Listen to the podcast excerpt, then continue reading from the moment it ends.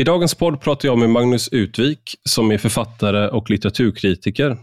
Han är aktuell med boken Partiet som kom in från kylan som skildrar Vänsterpartiets utveckling över drygt hundra år. Han granskar även partiets kopplingar till diktaturer i de forna öststaterna, Sovjet, Nordkorea, Kuba. Han intervjuar människor som har varit aktiva och är aktiva och han kollar också på partiet idag, vilka, vad de här rötterna betyder. Man säger fortfarande att man ska avskaffa kapitalismen. Man säger fortfarande att man vill uppnå ett socialistiskt samhälle. Han visar att det löper som en röd tråd genom historien i partiet och att det också finns en koppling där till kommunismen. Och Någonting som är extra intressant där är ju att Ung Vänster fortfarande säger att man vill uppnå ett kommunistiskt samhälle. Och Flera av partiets ledande företrädare idag har kallat sig kommunister och gick också med i Ung Vänster när de fortfarande sa att de vill uppnå ett kommunistiskt samhälle, vilket de för övrigt fortfarande gör. Det är en väldigt intressant bok och även om en del av det kanske man känner till sedan tidigare så är det intressant att få det samlat och det är också intressant att Magnus Utvik själv har en bakgrund i Vänsterpartiet. Han har varit medlem, han har röstat på dem i 30 år, vilket ju ger en eh, inside-blick på de här problemen. Det jag tror personligen är det viktiga att ta med sig här från den här boken och vad gäller Vänsterpartiet är att historien är en sak. Men det är det att man aldrig har gjort upp med historien på ett trovärdigt sätt. Det är det som är problematiskt, för det visar också att man fortfarande har många av de här idéerna kvar i partiet. Man har aldrig stått på demokratirörelsernas sida. Man har inte stått på frihetens sida i öststaten och man, gör inte, man står inte på frihetens sida idag heller. Så att egentligen är det stora problemet med Vänsterpartiet inte vad man har varit, utan vad man är idag. Men nu till dagens gäst, Magnus Utvik. Du lyssnar på Rak Höger med mig, Ivar Arpi.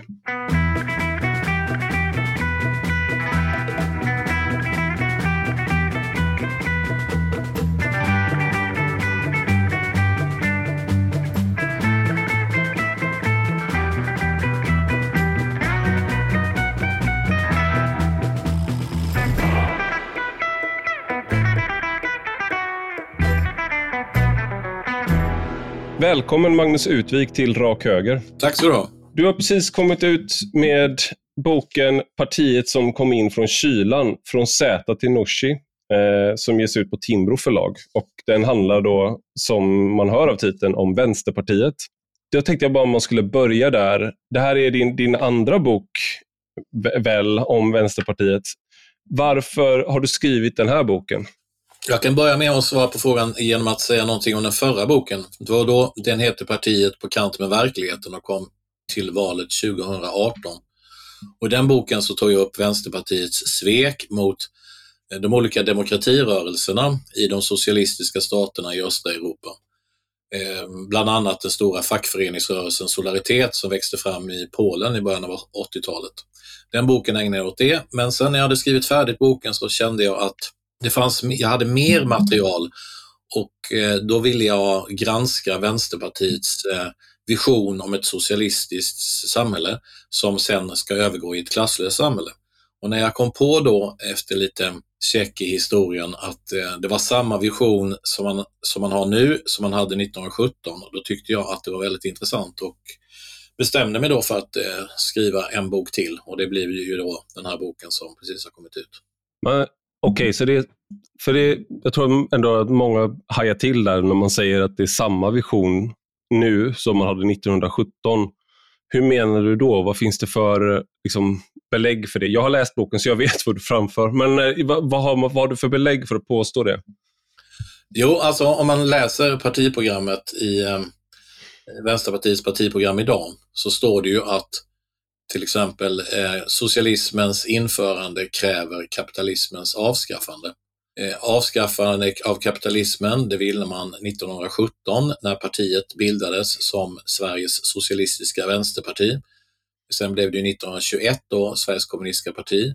Men man hade den socialistiska visionen, alltså ett socialistiskt samhälle, en arbetarklassens stat, ett starkt kommunistparti och det inbegrep då att man skulle krossa kapitalismen och till slut så skulle man socialismen i alla jordens länder övergå till ett, vad ska man säga, ett jordiskt paradis i form av ett klasslöst kommunistiskt samhälle. Eh, den visionen eh, finns ju kvar i dagens eh, partiprogram just med det här med avskaffandet av kapitalismen, införandet av ett nytt ekonomiskt och politiskt system, det vill säga socialismen, och vilket också står i Vänsterpartiets nuvarande partiprogram, att man kämpar för ett klasslöst samhälle. Och mm. kan man någonting om marxistisk teori så vet man också att det klasslösa samhället är sam samma sak som kommunismen. Mm. På det viset är ju, ligger det liksom, finns väldigt stora likheter mellan 1917 och eh, 2022. Ändå, om man tänker någonting som de har tagit bort är det ju K1, så att säga. De är inte VPK längre, utan nu är de bara VP. Och Det gjorde de 1990 och nu har det ju gått då 32 år sedan som Vänsterpartiet tog bort kommunismen ur, ur namnet, strök det. Men hur, hur trovärdigt tycker du att man har, att man har gjort det? Alltså hur, hur trovärdigt är det? Har man lyckats retuschera bort kommunismen från fotografiet så att säga? Alltså att, att man tog bort K i, i VPK så att det blev Vänsterpartiet istället för Vänsterpartiet kommunisterna. Det tror jag var väldigt viktigt för partiet och det var nog viktigt för många medlemmar som kände att nu hakar vi av öststatssocialismen en gång för alla. Men i och med att man har kvar samma vision om socialismen och det klasslösa kommunistiska samhället idag, är det väldigt svårt att se att man verkligen har gjort upp med, med kommunismen på det viset. Det räcker ju inte att byta, ta bort en bokstav i ett, i ett um, partinamn för att man helt plötsligt inte ska bli kommunister längre. Det finns en avgörande skillnad dock som är värd att nämna. Det är att Vänsterpartiet idag ser in, anser inte att staten har en speciell klasskaraktär. Eh, I den marxistiska teorin, teorin så pratar man hela tiden om att varje stat har en klasskaraktär och i det kapitalistiska samhället så är det borgarklassens stat, alltså kapitalisternas stat och i det socialistiska samhället så är det arbetarklassens stat. I Vänsterpartiets eh, nuvarande partiprogram så står det inget sånt om staten. Och det hade det gjort om, om partiet varit ett klassiskt kommunistiskt parti. Så den, den lilla saken som är faktiskt ganska avgörande säger någonting om att man har på något vis avlägsnat sig från vissa delar av den kommunistiska teorin, särskilt när det gäller frågan om staten. Det kan ju vara ett taktiskt drag från Vänsterpartiets sida eftersom om man hade sagt att vi lever i en borgarklassens stat, då hade man också varit tvungen att ha en revolutionär, en revolution på agendan, för att annars går det inte att införa ett socialistiskt samhälle. Det där är också någonting du tar upp i boken, att man inte längre pratar om en revolution i partiprogram. Däremot så pratar man om, ja, nu kommer jag inte ihåg det exakta ordalagen, men man pratar om en grundläggande samhällsomvandling och man använder den sortens beskrivningar istället för att beskriva hur man ska avskaffa kapitalismen eller eh, hur man ska uppnå ett socialistiskt samhälle. Har man då, det är också någonting som jag, när Aron Etzler för, nu är det ett antal år sedan, jag tror det är 2005, så, var de, så, så pratade man väldigt mycket om att man hade fått eh, massa kritik från den hemska högern för att man då hade relationer med diktaturer och för sin kommunistiska historia. Och Då skrev han att eh, Vänsterpartiet har hamnat i den sämsta av två världar. Ett parti som inte är tillräckligt systemkritiskt och ändå ska dras med kommuniststämpeln. Det motsatta vore betydligt bättre. Är det där så att säga, man håller på att ta bort ord och liksom använder omskrivningar för att eh, framstå som mer rumsrena samtidigt som man behåller radikal politik? Eller är det, eh, är det vet du, orättvist mot Vänsterpartiet? Nej, nej, jag tycker du är någonting viktigt på spåren här. Eh, vänsterpartiet och tidigare då Vänsterpartiet kommunisterna har alltid bollat med omskrivningar av verkligheten så att det ska låta mindre, mindre, eh, vad ska man säga, mindre hemskt eller mindre dogmatiskt. Ta exemplet hur man såg på de socialistiska staterna. Det var ju diktaturer.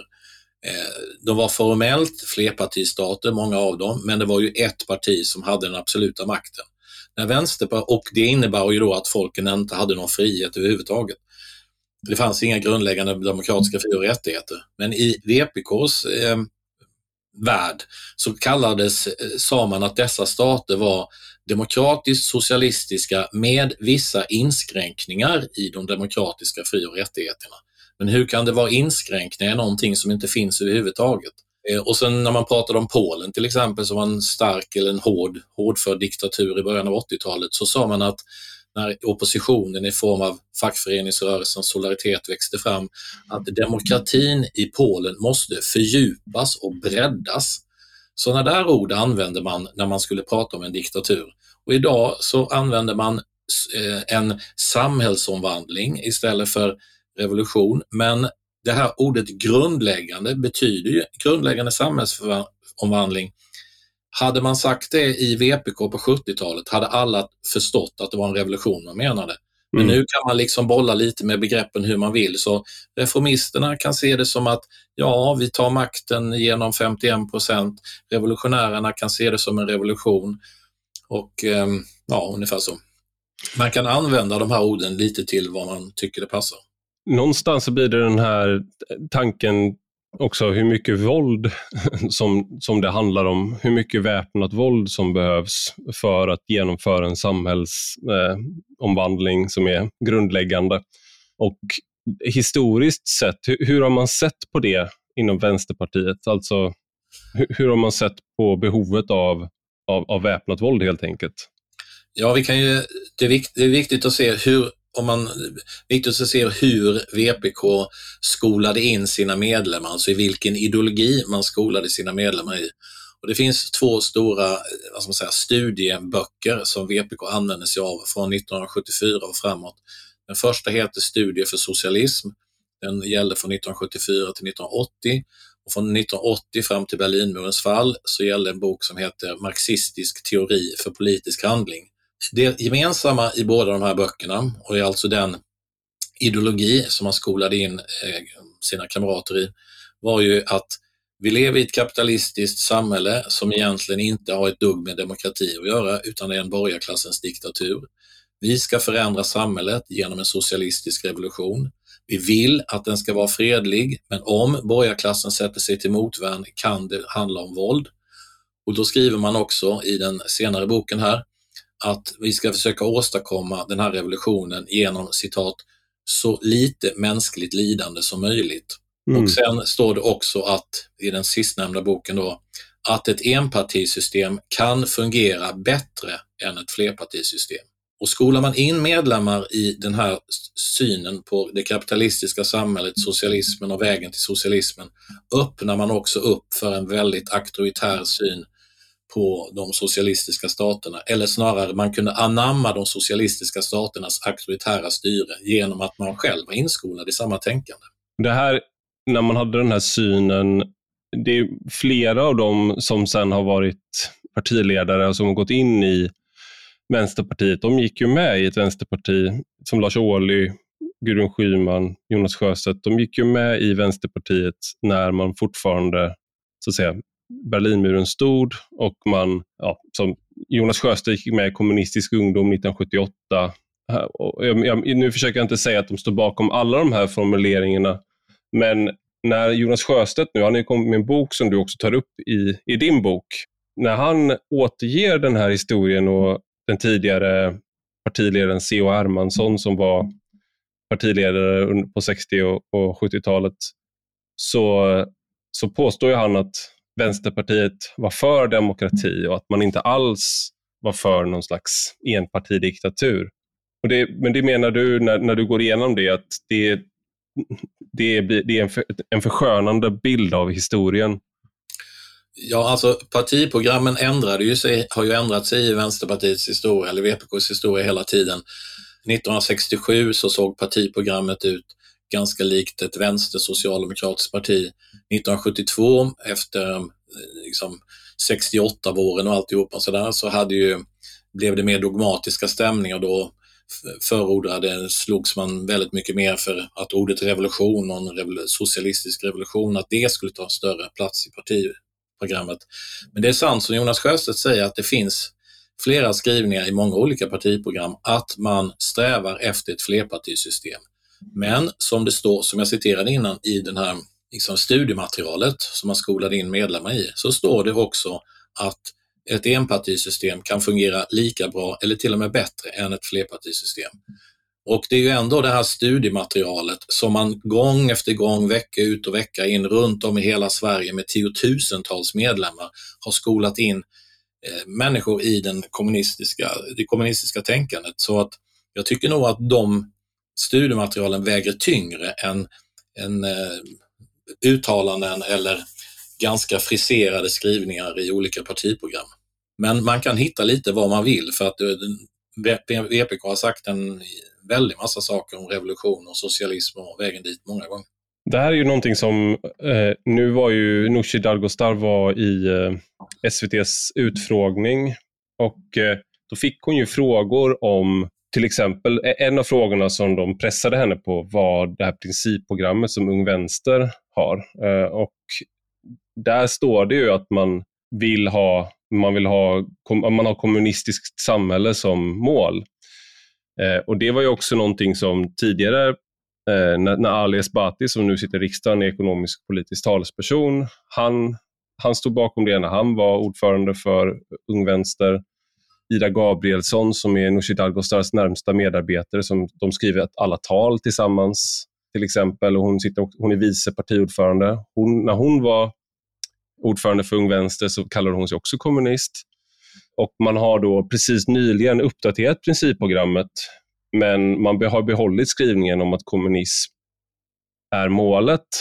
Och eh, jag vill inte säga att Nooshi Dadgostar kallar sig själv kommunist, det sa hon, har hon förnekat. Men det här är, kanske jag borde fråga dem egentligen då, men eh, hur är det möjligt att man fortfarande har kommunism som mål i, i Sverige idag? Och att man har haft det egentligen hela vägen, aldrig lämnat det. Ja, det, alltså kommunismen och det klasslösa samhället är väldigt viktigt för de, de unga aktivisterna. Vi ska, de, man ska då skapa en, en, en klasslös värld där det inte finns krig, eh, eftersom det inte finns några motsättningar mellan kapitalistiska stater. Alla ska äta sig mätta. Det finns ingen kapitalism som gör rovdrift på naturen och djuren och så. Eh, det är omöjligt att släppa en sån sak. Och eh, när man tittar i Vänsterpartiets program så står det att man vill ha ett klasslöst samhälle, men inte ett kommunistiskt. Alltså man nämner inte ordet kommunism, men klasslösa samhället är samma sak som kommunism. Mm. Ung Vänster skriver att de vill ha ett kommunistiskt samhälle. Nooshi Dadgostar, hon satt ju ledningen för Ung Vänster och även om hon inte kallade sig kommunist så måste hon ju ändå ha stått för liksom, huvudprincipen i, parti, i, i ungdomsförbundets eh, skrivningar eller i, ja, eller principerna. Och det handlar ju om kamp mot kapitalismen, för socialismen och slutmålet ett kommunistiskt samhälle. Annars hade inte hon suttit i den ledningen. Sen om hon har kallat sig kommunist eller inte, det tycker jag är rätt ointressant. När Jonas Sjöstedt han fick ju frågor om det här, eh, om de här skrivningarna om eh, avskaffandet av kapitalismen och sådär, när han inför valet 2018, eh, och då så var han, svarade han att det huvudsakliga ägandet i samhället, speciellt av stora företag och banker, ska vara gemensamt. Nu då, häromdagen, så fick Nooshi Dadgostar samma frågor och då ville hon inte riktigt svara på frågan. Hon menade att, att det där absolut inte var aktuellt. Är, är, det, är det sant, så att säga? Eh, och hon fick kritik då. Du tar upp det att när hon i februari i år också eh, på liknande sätt tog avstånd från det här avskaffandet av kapitalismen som står inskrivet i partiprogrammet så fick hon kritik av 14 eh, vänsterpartister i en debattartikel i Flamman där de blev arga och menade att nej, du kan inte ta avstånd från det här. Det här är det som gäller eh, tills vi, vi i partiet antar eh, ett nytt principprogram i så fall. Så vad, vad, är det som, vad är det som gäller? Vad är, vad är det Nooshi Dadgostar försöker göra här? Om man ska vara lite hård så kan man ju säga så att hon, hon, hon, hon inte bara försöker utan hon kör ju över partidemokratin eh, fullständigt när hon säger en sån här sak. Alltså vilken partiledare som helst får ju ändå rätta sig efter det partiprogrammet som är demokratiskt, som i demokratisk form är fattat liksom, eller beslutat om på senaste kongressen. Och, och det här programmet som Vänsterpartiet har med kapitalismens avskaffande och så, Det har ju människorna och med gott humör röstat fram och eh, de känner ju så och de vill ha det så och hon får ju stå för det. Att hon säger nu att det inte gäller, det är ju nästan som att säga att vi, eller jag och resten av partistyrelsen, vi tänker fan i mig driva i det här så, så långt det går och köra över alla traditionella socialister och kommunister och avskaffa de här eh, skrivningarna nästa gång det är kongress. Mm. Och det är hon övertygad om att det kommer att gå bra, men det är inte jag. Därför att traditionalisterna är väldigt starka och underifrån kommer nya revolutionärer hela tiden. Och eh, partistyrelsen är nog mer reformistisk än vad aktivisterna ute i landet är. Om man då jämför med Sverigedemokraterna som eh, särskilt, var särskilt populärt för några år sedan när liksom hela argumentationen från Centerpartiet ett tag var ju att man skulle hålla Vänsterpartiet och Sverigedemokraterna utanför inflytande. Det har inte funkat eh, på något sätt alls egentligen, men det var i alla fall tanken då. Och då Sverigedemokraterna har ju nu, nu eh, fått, haft en vitbok som har publicerats om deras historia där de kom fram till att eh, en tredjedel ungefär av grundarna hade rötter i eller engagemang i högerextrema rörelser och många kom också direkt från Bevara Sverige svenskt. Nu hade jag eh, Mattias Karlsson här som min förra gäst och han sa att han höll inte med om den siffran. Han menade att den siffran var lägre om man kollade på grundandet på riksnivå. Men det spelar inte så stor roll egentligen. Utan man hade de rötterna, om man tar avstånd ifrån det idag, om man kämpar med det. Man har också uteslutit sitt ungdomsförbund när de gick för långt mot att definiera eh, svenskhet på ett etniskt sätt. De gick och, i en riktning som på något sätt blickade bakåt mot de rötterna man försökte mm. lämna bakom sig. Mm. När det, eh, jag har svårt att se att man kan eh, det, det, är väldigt olika hantering från partiledningens sida vad gäller Ung Vänster här. Till exempel om Nooshi Dadgostar säger att ah, det, får du, det får du ta med, med dem, fråga dem. Jag, eh, varför är det så här? Jag, jag känner själv när, när vi, liksom, ibland när jag pratar om de här sakerna att det är som att man är nästan eh, småsint eller ältande när man tar upp de här sakerna eller den här revolutionära glöden som finns i Ung Vänster. Som att man är liksom ogin mot unga idealistiska människor. Men något motsvarande är det ju ingen som tänker när det gäller till exempel det eh, SDU då som uteslöts och som blev alternativ för Sverige. Då är det ingen som tänker att det här är unga människor, unga idealister som vill något gott för landet. Inte ska vi hålla på och vara elaka mot dem. Nej, men alltså Jonas Sjöstedt är ju en väldigt sympatisk människa som gick hem i stugorna som man säger och duktig, slipad och är väl idag partiets, Vänsterpartiets främsta ideolog. Nooshi Dadgostar är ju en väldigt, verkar vara en väldigt sympatisk människa, väldigt dåligt inläst på partiets historia men ändå en schysst människa. Lars Ohly var ju en skrattande, glad gamäng. Eh, alltså, vi gillar de här personerna, men vill, mm. och de har ju kommit från ungdomsförbundet allihopa. Eh, men vem gillar någon? Eh, vi, vi, kan inte namnen på de som har kommit från, eh, som, som, har kommit från Sverigedemokraternas ungdomsförbund. Vi känner inte riktigt till dem, de är inte inne i offentligheten på samma sätt. Och mm. är Jonas Sjöstedt en schysst typ och Nooshi Dadgostar och de kommer från Ung Vänster, ja varför håller vi på och gnäller om Ung Vänster? Människor, det blir ju människor av dem i alla fall. Mm. Men eh, riktigt så enkelt är det ju inte för att Nooshi har ju väldiga problem med Ung Vänsters eh, principprogram. Eh, och när hon säger så här, och vilket de upprepar gång på gång, ledande företrädare för Vänsterpartiet, att ja, men det är en enskild, eh, det är en eh, enskild organisation, vi har ingenting att säga till om där. De fattar sina, sina beslut. Så kan man ju också titta på Vänsterpartiets program. Där står det att man jobbar tillsammans med Ung Vänster för en bättre värld det vill säga en socialistisk värld. Man har ju samma mål och man tillhör samma rörelse och man har samma historia.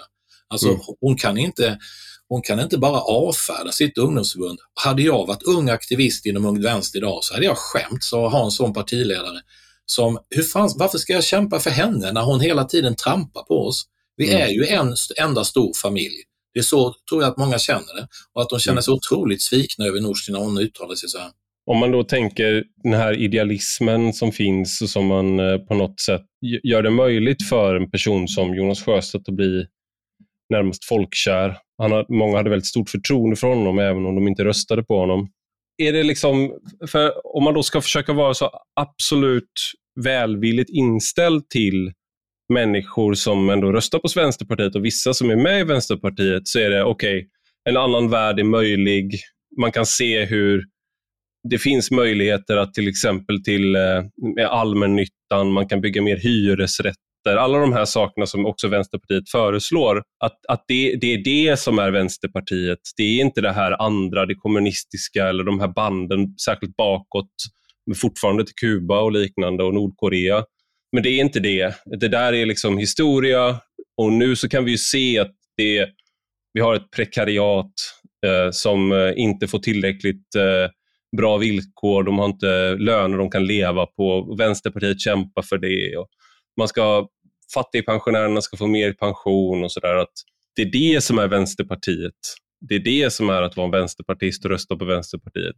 Och Det vi pratar om nu hittills i samtalet, det är liksom på något sätt att försöka kleta ner dem med någonting som inte längre är relevant. Jo, jag kan förstå att de vill att, de vill, att, de vill att man ska se det så. Jag menar, Sverigedemokraterna sa ungefär likadant. Nu ska vi inte, folk är intresserade av dagens politik, dagens valrörelse och inte vad som hände för 20-30 år sedan. Och Vänsterpartiet sa likadant, därför att det är de två partierna som har den mörkaste historien, i alla fall är de mest uppmärksammade historien. Men det där, om man är medlem i Vänsterpartiet som jag har varit i några år, det som är partiets fundament, det är just kritiken mot kapitalismen och att man kämpar för ett helt annat samhällssystem. Annars finns det ingen anledning att vara med i partiet. Därför att annars kan man lägga sig på vänsterflanken i socialdemokratin istället och gå med i organisationen Reformisterna med Daniel Suhonen i spetsen. De står för nästan exakt samma politik som, som Vänsterpartiet framför. Men varför man är med i, i Vänsterpartiet är ju just, om jag ska ju bara citera någonting från partiprogrammet här. Då skriver de så här att eh, om kapitalismen till exempel.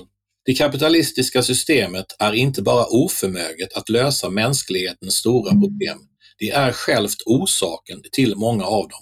Och sen skriver man, det ekonomiska fåtalsväldet måste ge plats åt de arbetandes demokratiska förvaltning införandet av socialismen kräver kapitalismens avskaffande. Alltså det, det, det är här man i partiprogrammet slår fast hela grunden för partiet, hela visionen, det som är liksom hela Vänsterpartiets själ.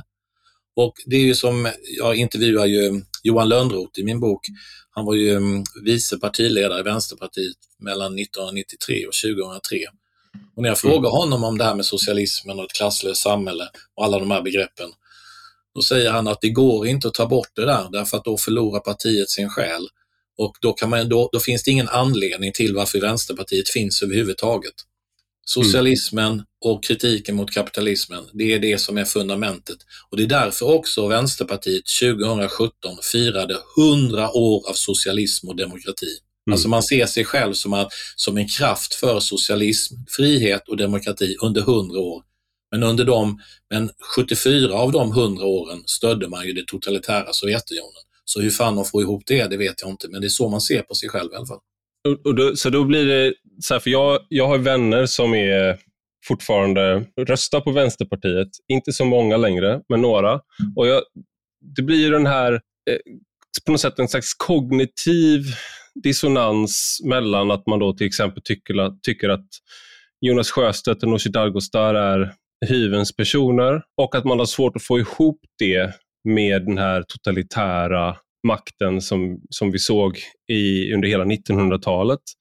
Att man, skulle de förtrycka mig och att man, han som är så trevlig, eller liksom, att man får svårt att få, få ihop det där samtidigt som det då trots allt finns de där mörka stråken i, i partiet fortfarande idag. Ja, det, är alltså, det, det, det, har funnits väldigt mycket sympatiska kommunister genom, eh, genom årtiondena som har, i alla fall från 70-talet så kämpade Hyresgästförening till exempel inom fackföreningsrörelsen, eh, ställa upp för solidaritet för, eh, med eh, Sydafrikas förtryckta folk mot apartheid eh, och eh, mot den chilenska diktaturen. Då. Det finns väldigt mycket sympatiska människor, men man kan inte bortse från att partiets rötter att i partiets rötter så finns just det här eh, stödet till totalitära socialistiska diktaturer eh, som har då har legitimerat de här diktaturerna för sitt eget folk och att man aldrig har eh, stött, på allvar stött de demokratiska krafterna i de socialistiska staterna. Alltså hellre en, kapital, hellre en socialistisk diktatur än en demokratisk kapitalism. Det är ju så man har sett det alltid. Och ehm, om någon tvekar på det jag säger så skulle jag kunna sitta och rabbla hur många citat som helst från alla kongressböcker jag har hemma från, från VPK. Eh, mm. Jag kan rekommendera folk att läsa boken eh, också, där man får se hur eh, just där du tar upp många av de här exemplen på hur man har, man har haft många chanser. Man hade många chanser att ställa sig på protesten, proteströrelsernas sida i, i Sovjetstaterna, i, inom östblocket, men man gjorde, man gjorde inte det. Utan man stod på diktaturens sida istället.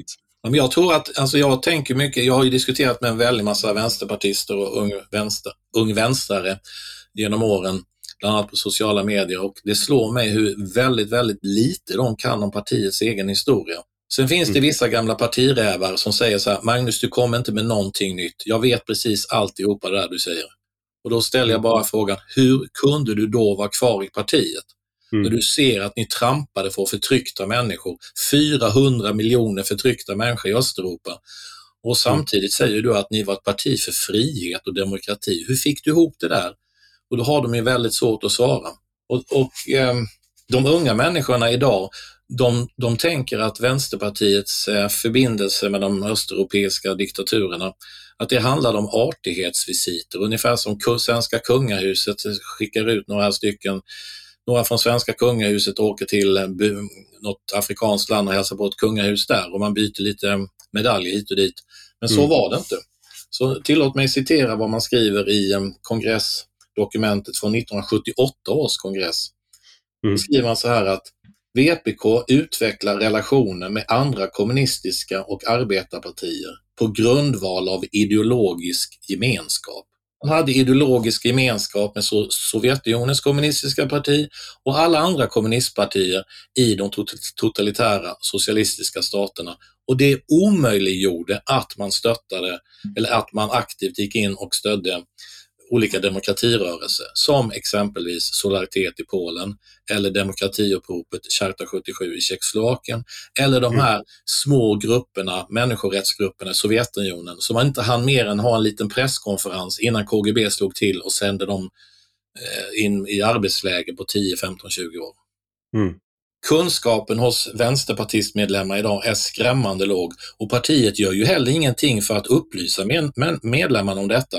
Därför att risken är ju att när man får in, när man får in den här kunskapen så tänker ju kanske medlemmen att helvete, är jag med i ett parti som har stått på förtryckarnas sida i, i 70 år eller i 100 år? Alltså det går inte. Mm. Partiet riskerar de facto liksom att splittras eller att folk bara överger det för att här kan fan inte jag vara med. Men så mm. länge man håller sina egna medlemmar i okunskap så, så kan man ju fortsätta att prata om frihet och demokrati och socialism och ha massa fredsduvor överallt. En sak som på något sätt kanske skulle kunna visa på hur man ser på demokrati idag är också hur man, om man tänker en, en grundläggande värdering som, som hjälper en demokrati är att vi, vi sköter våra konflikter eh, i tal, vi möts och vi debatterar och sen skakar vi hand istället för att eh, ta till vapen eh, mot varandra.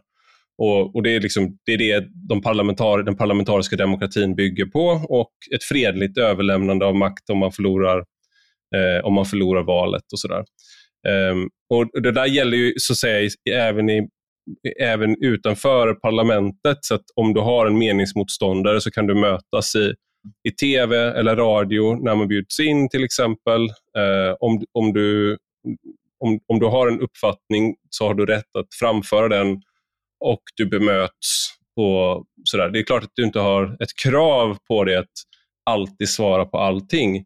Men här är det någonting som löper som en röd tråd genom din bok. Det är att du tar kontakt med olika delar av Vänsterpartiets organisation, du tar kontakt med olika personer i partiet eller närstående, du tar kontakt med Ung Vänster och du får inte svar. Och Det här var någonting vi pratade om precis innan vi satte igång och spelade in här också, att de inte du, de ställer inte upp på debatt med dig så gott som.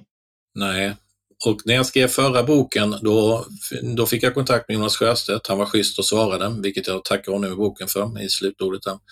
Jag tycker det var riktigt schysst. Eh, I den här gången, i den här boken så har ju Johan Lönnroth eh, ställt upp. Mm. Eh, idag är en väldigt, han har ju varit medlem i partiet i 50 år. Men han tillhör den, den gamla kaden kan man säga som kanske är van vid att att ha ganska hårda diskussioner och ett jävla givande och tagande på ett schysst sätt. Men dagens vänsterparti, de svarar helt enkelt inte på mejlen och det är inte så att jag skickat fel eller jag ringt fel person utan de svarar inte utan de håller bara käft. Och ehm, ja, och det är ju tråkiga är ju att när jag skrev en artikel om Vänsterpartiet, Expressen för något år sedan, så blev vi uppringda av Sveriges Radio som sa att ehm, vill du komma och diskutera det där med, med oss i, i radion. Och då sa jag så att ja, jag kommer gärna, men ringer du till Vänsterpartiet så kommer de att säga nej. Och då ringde mm. Sveriges Radio tillbaka till mig och sa ja, du hade rätt, de sa nej. Och i, i, efter min förra bok kom ut i valet 2018 så ville ju inte Vänsterpartiet vara med och diskutera i vare sig Studio 1, i, alltså i Sveriges Radio, eller Nyhetsmorgon, TV4, eller i um, SVTs debattprogram Opinion. Mm. tre olika ställen i samma valrörelse som man sa nej till. Det finns alltså ingen i hela partistyrelsen eller någon som är ganska uppsatt i Vänsterpartiet som kan ta en debatt i, i, i, i, um, om vi nu tar bort TV4, alltså i public service som man själv säger sig värna om. Skrämmande tycker jag. Helt skrämmande. vad, vad är det ett tecken på, skulle du säga? Rädsla är det första ordet jag tänker på. Mm. Faktiskt. Alltså det här är ju ingenting som, alltså titta på Nooshi Dadgostar när hon sitter och svamlar i TV den här urschyssta eh, tjejen som kommer hit som flykting i Sverige och har en helvetes massa att ge den svenska demokratin. Hon kan inte försvara de här sakerna. Det är ju rädsla för att man ska gräva så djupt i partiets historia att, att medlemmarna tyngs av det här historiska oket och inte orkar mer valrörelsen därför att det är för smärtsamt helt enkelt. Och då försöker man bara stänga ute alltihopa genom att, eller snarare förtränga det och stänga ute alltihopa. Vi tar ingen debatt, vi ställer inte upp om det är så i Magnus Utvik eller Ivar Arpi eller vem fan som helst. Vi ställer inte upp, det här får inte komma upp till ytan. Hoppas det blåser över snart, hoppas vi kan lägga locket på en gång till. Och så mm. får det väl smälla till nästa, nä, nästa valrörelse igen då. Mm, jag tänker att det kan vara, jag kommer ihåg en eh, en, ett blogginlägg av Ali Esbati, som nu har jag inte det här framför mig, men där han, han skrev för ganska länge sedan, jag kommer inte ihåg exakt när, men det handlade om att man inte skulle ta debatten. För att det du gör när du tar en debatt, då tror jag att det handlade om Sverigedemokraterna och migrationspolitik. För det du gjorde då var att legitimera debatten. Så att genom att inte ta debatten, genom att ignorera och prata med varandra istället, så får du tillbaka så att säga den diskursiva makten så att du, du vinner inramningen av problemet. Och Det här har jag ju själv varit med om flera gånger när jag eh, har velat mm. debattera frågor. Att jag, för jag har delar, då är det inte Vänsterpartiet som organisation i regel som jag står emot, utan då är det väl så att säga nära ideologiska fränder som har en liknande strategi. Till exempel när jag eh, skulle debattera min förra bok, Genusdoktrinen, så ville ju inte mot, så att säga, de vi skrev om, de ville inte ställa upp på debatt mot, mot oss. Däremot så hade de interna mejllistor som vi eh, fick ta del av på grund av, tack vare mullvadar som var med på de här mejllistorna. Man, om man hade seminarier där man diskuterade med varandra. Eh, och På samma sätt så har man ju haft, eh, eh, diskuterar man ju, eh, liksom transfrågor och liknande, men man bjuder inte in de feminister som är kritiska till det. Så att du, du, har hela tiden den här, så att säga, du har absolut ett demokratiskt samtal skulle man kunna säga. Men du, du försöker också att eh, vinna den diskursiva makten genom att aldrig diskutera på meningsmotståndarens planhalva. Tror jag, så, så tror jag att man ser på det. Jag vet inte om det stämmer in helt och hållet på Vänsterpartiet, men att döma av det som framkommer i det du säger nu och det som står i boken så, så låter det som att man har tänkt igenom det på det sättet också. Eh, jo, det, det, det, tror jag nog att man har gjort. jag tror inte man vill göra mig speciellt, alltså man tänker att, jag tror att det är smärtsamt för Vänsterpartiet att jag själv kommer från vänstern och har liksom röstat på Vänsterpartiet i 30 år och varit medlem. Jag tror det smärtar väldigt mycket. Då har man liksom lite inside information, man vet, man vet hur partiet fungerar och eh, hur stämningen är och så. Mm. Men eh, jag tror att det handlar om att man vill lägga locket på väldigt eh, svåra frågor som kommer upp. Och sen finns det ju precis som ni skriver i er bok då, att genusdoktrinen där, att det finns ju nästan som ett sekttänkande mot, den, mot de organisationerna, eller i mitt fall Vänsterpartiet som jag pratar med. Alltså man tycker att man själv är nog. Eh, eller ser sig som att vi är en kraft för socialism och frihet och demokrati. Magnus Utvik i det här fallet då, och jag, som då motarbetar detta. Vi ska inte legitimera honom och uh, hans bok är ett sätt som, och nu så här diskuterar verkligen Aron Edsler och eh, Jonas Sjöstedt. De är mästare på att tala om att all kritik som kommer är de facto reaktionär och eh, den kommer alltid upp när Vänsterpartiet växer. När alltså vänsterrörelsens kamp mot kapitalet och borgarklassen växer fram och får ökat stöd hos den breda befolkningen, då kommer attackerna från höger. Och därför måste man liksom undvika att ta debatten, för den är inte till för att skapa sanning, utan den är bara till för att svärta ner Vänsterpartiets rättmätiga krav och strävan efter ett rättvist samhälle. Så tror jag att man ser på det. Nu måste vi också ta upp att du, din egen historia här, vi kanske borde ha börjat med det egentligen, men eh, du, du, du var medlem i Vänsterpartiet och du har röstat på Vänsterpartiet i 30 år. Hur kommer det sig att du var vänsterpartist och varför eh, lämnade du? Ja, men jag, alltså, jag har ju varit politiskt, jag var politiskt aktiv från jag var 14-15 år ungefär. Jonas Sjöstedt gick in i kommunistisk ungdom 1978, gick med 1979. Vi är födda samma år, 1964. Och mm. sen jobbade jag i en liten kommunistisk sekt som älskade Albanien i några år. Och sen gjorde jag ingenting speciellt, men jag sympatiserade med Vänsterpartiet för jag tyckte det att det var den enda kraften som på något vis skulle kämpa för socialismen och för ett klasslöst samhälle. Och jag gick med då i slutet av 90-talet och gick ur sen igen, eller jag bara tappade intresset och gick med en gång till. Och jag delade ut lite valsedlar och så precis när jag hade flyttat till Stockholm. Varför jag lämnade var ingen speciell orsak, men när Lars Ohly eh, eh, när Lars Ohly blev ordförande 2004 tror jag och han kallade sig kommunist och eh, jag såg hur de här starka stämningarna var i partiet just för den kubanska diktaturen till exempelvis. Då fick jag också en känsla av att partiet inte hade utvecklats någonting. Man hade inte tagit några lärdomar från det som man sa var uppgörelsen med eh, öststatskommunismen i början av 90-talet. Eh, sen då när jag började liksom läsa in mig på Vänsterpartiets historia så man, jag blev helt förskräckt alltså. Även om jag liksom anade vissa saker så, så kunde jag aldrig föreställa mig att de var så nära Sovjetunionen och de här kommunistpartierna i Östeuropa som man faktiskt var. Och att det var den röda linjen genom partiets eh, politik, eller partiets historia. Så när du gick med så hade du en, så att säga, en bild av att man ändå arbetade för frihet, för de förtryckta och när du konfronterades med historien och hur man, vad man faktiskt hade, vilka ställningstaganden man hade gjort, så kändes det som att det var förljuget. Är det, lägger jag ord i din mun då? Nej, inte alls. Alltså, när jag skrev den här boken om sveket mot demokratirörelsen så jag beställde hem en helvetes massa böcker från olika antikvariat om med böcker som getts ut under 70-talet om, eh, av svenska maoister bland annat om, och trotskister som handlade om demokratirörelsen i Östeuropa och sen så gick jag igenom Vänsterpartiets olika tidningar och interna material och såg att de skrev ingenting om rättegångar i Sovjetunionen. De skrev ingenting om strejker mot eh, diktaturen i Rumänien. Ingenting om att man bildade en fackförening i Rumänien i slutet av 70-talet. Allting sånt tystades ner eller skrevs inte om överhuvudtaget. Och mm. till exempel efter de här våldsamma morden på arbetare i, i, i Polen 1970 så skrev man heller ingenting om det. Man hade ju massvis med chanser att bryta med öststatskommunismen om man hade velat, men då hade ju partiet dött och man hade fått gå in i socialdemokratin eller startat någonting annat. Men mm. det där blev, jag blev riktigt skrämd när jag läste om det här och, och tänkte bara att vet verkligen medlemmarna om det här? Nej, jag tror inte det. Alltså måste jag skriva boken. Mm.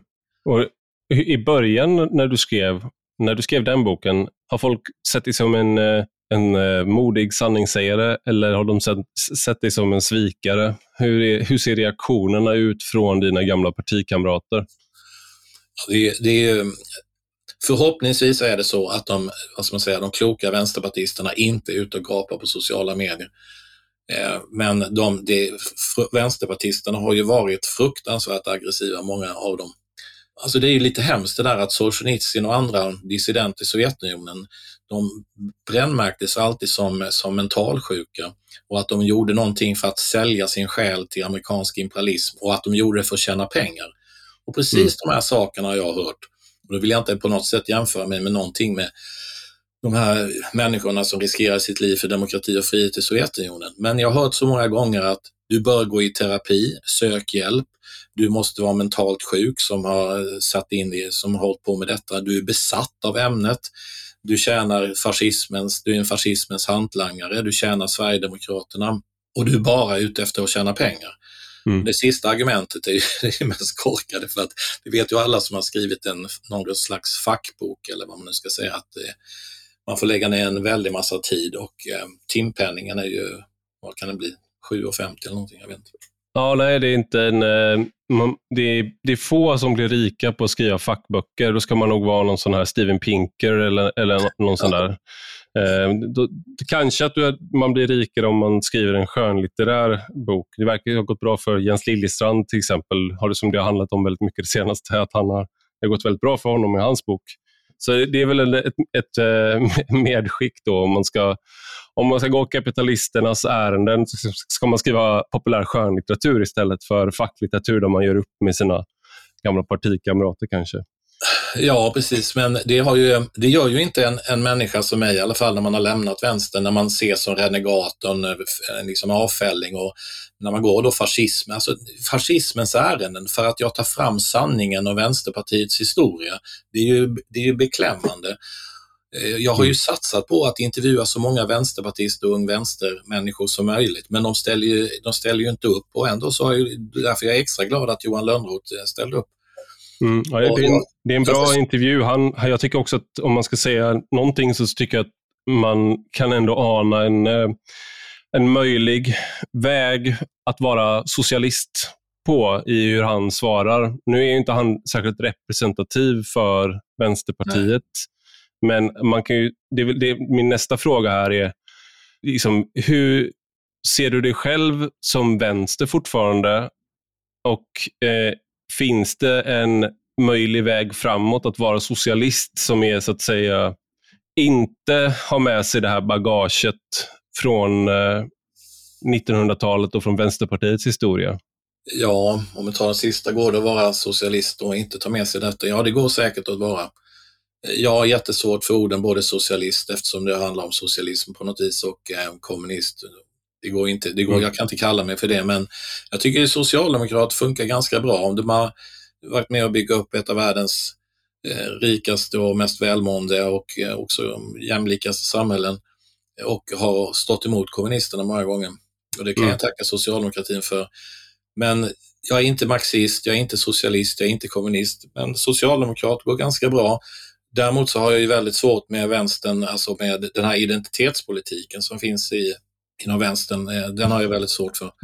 Men jag tror att, ehm, att om man håller fast vid arbetarrörelsens grundläggande värderingar så tror jag att, jag hoppas att det kan utkristallisera sig en, en politisk vänsterliberal kraft som kan ligga aningen till vänster om socialdemokratin eller kanske påverka det partiet på ett annat sätt så vi får en ännu mer vital demokrati.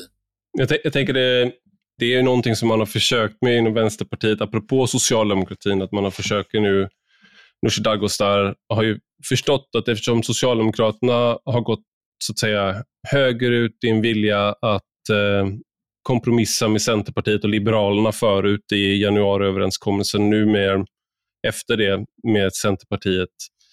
Eh, och också att man som socialdemokrater vill stoppa tappet till Sverigedemokraterna så pratar man på ett sätt som liknar den sverigedemokratiska eller den eh, moderata retoriken i frågor om lag och ordning och migration och liknande. Och så har Nooshi Dadgostar tagit på sig hjälmen och åkt ut i olika industrier och vill framställa sig som liksom, de egentliga socialdemokraterna. Någonting som du tar upp där är ju att det där har ju faktiskt en historia också. Att det är inte första gången som Vänsterpartiet har velat framställa sig som de egentliga Socialdemokraterna.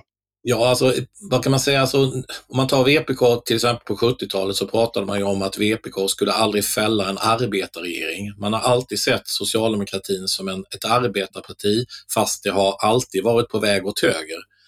Eh, mm. och, och, nu ser man att det är på väg åt höger.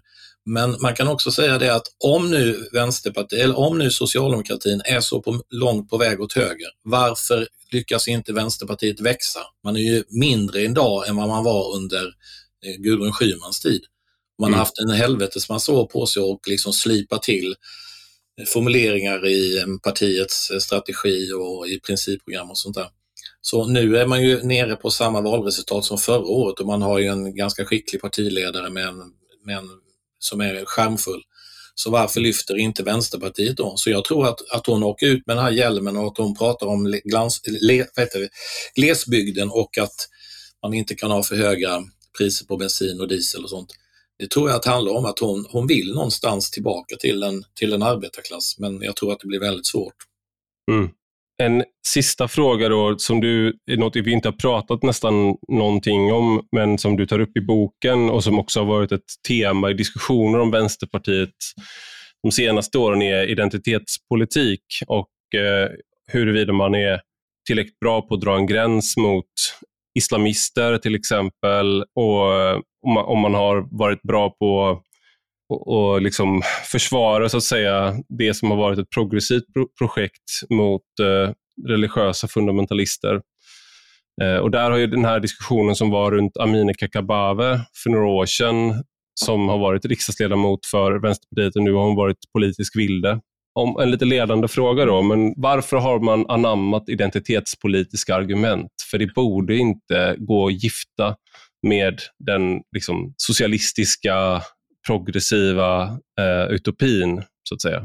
Nej, det är lite märkligt för att vänstern i den kommunistiska eller revolutionära delen av arbetarrörelsen har ju varit strängt antireligiös kan man säga, extremt kritisk mot all form av religion som liksom fördummar människans tänkande och sånt där.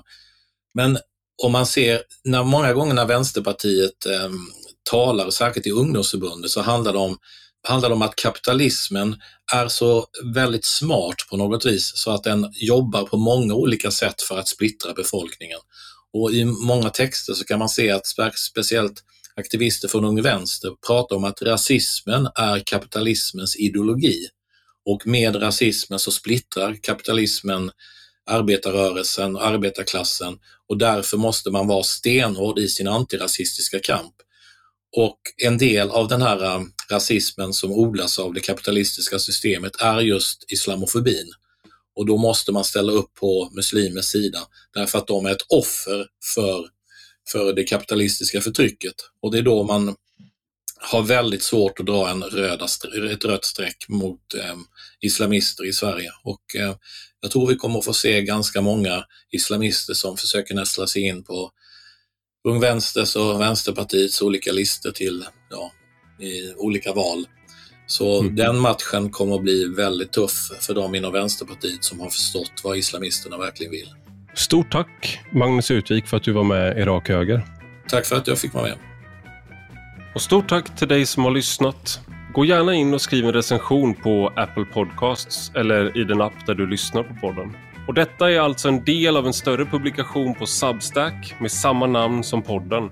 Och den som prenumererar där kan även ta del av de texter jag skriver. Gillar man det man läser och hör får man gärna bli betalande prenumerant för 5 euro i månaden eller 50 om året. Då får man ta del av lite exklusivt extra material också. Du hittar rubbet på ivararpi.se. Och har du några frågor eller synpunkter kan du alltid mejla mig på ivararpi Vi hörs igen.